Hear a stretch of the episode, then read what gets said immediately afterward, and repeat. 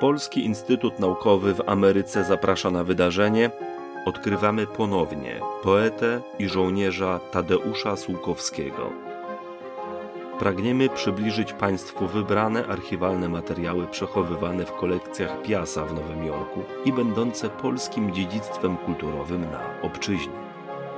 Materiał powstał na potrzeby zadania opracowanie, digitalizacja i promocja zbiorów oraz działań Polskiego Instytutu Naukowego w Ameryce.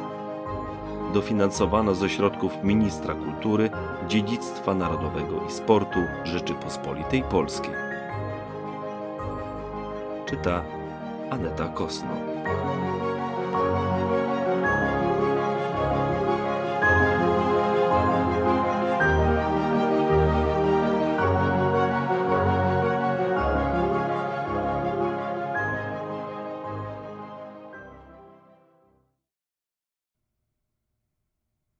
Osiemnasty maja 1947 Droga i kochana pani, Wczoraj był dobry dzień, bo nadszedł list i od pani, i od Gustawów, a to są teraz jedyne pociechy i prawdziwe radości. Bo wszystko inne jest bardzo pochmurne. Zdaje mi się, że zasadniczym powodem tych chmur u nas wszystkich jest brak rzeczywistego gruntu potrzebnego do pracy.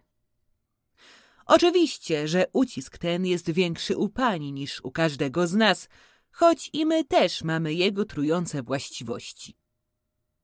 Pracuje się, jeśli w ogóle można nawet trochę popracować, w próżni.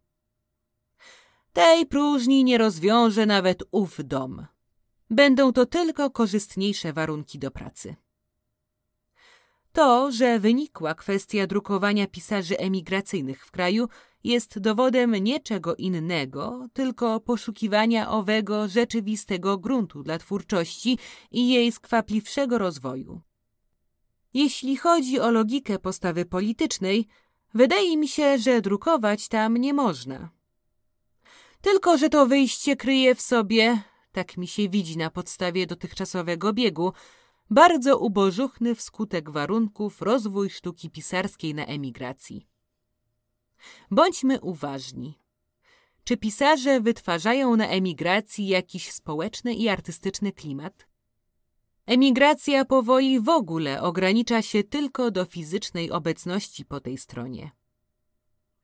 Ci z pisarzy, którzy wracają do kraju, w dużym stopniu ocalają swój rozwój.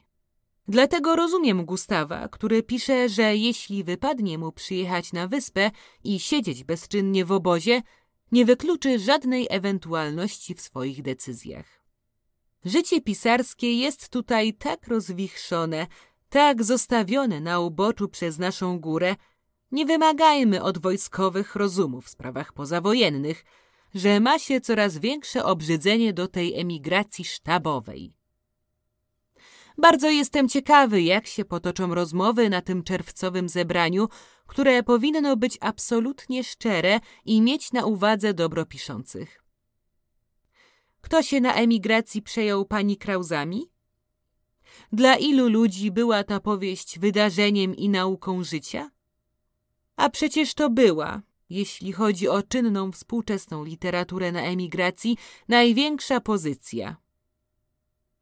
Proszę sobie teraz ustawić w odpowiedniej proporcji możliwości nas, pomniejszych czeladników. Niechże się pani nie gniewa za te wywrotne myśli, ale trzeba do końca i wyraźnie sprawy przemyśleć.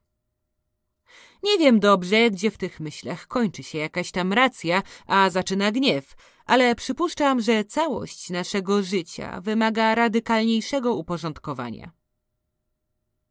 Przepraszam za tę gniewną, a może i nie bez racji, burzę, ale może ona choć trochę przepędzi chmury z pani pokoju. Bo ten pokój musi mieć w sobie ciszę, gdziekolwiek będzie. I u nas dzisiaj zrobił się deszcz. Cieszę się, że znowu wpadnę do Londynu. Oczywiście, jeśli znowu nie nawalę ze zdrowiem. Proszę się tylko nie martwić i zawsze być dobrej myśli. Bo skądże my będziemy czerpali jakiś mądrzejszy oddech i skąd oparcie? Serdecznie pozdrawiam, proszę się nie martwić. Tadeusz.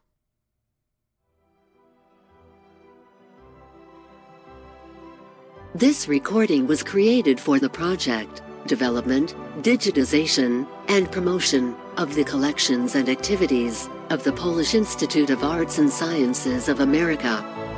Co-financed by the Ministry of Culture, National Heritage, and Sport of the Republic of Poland.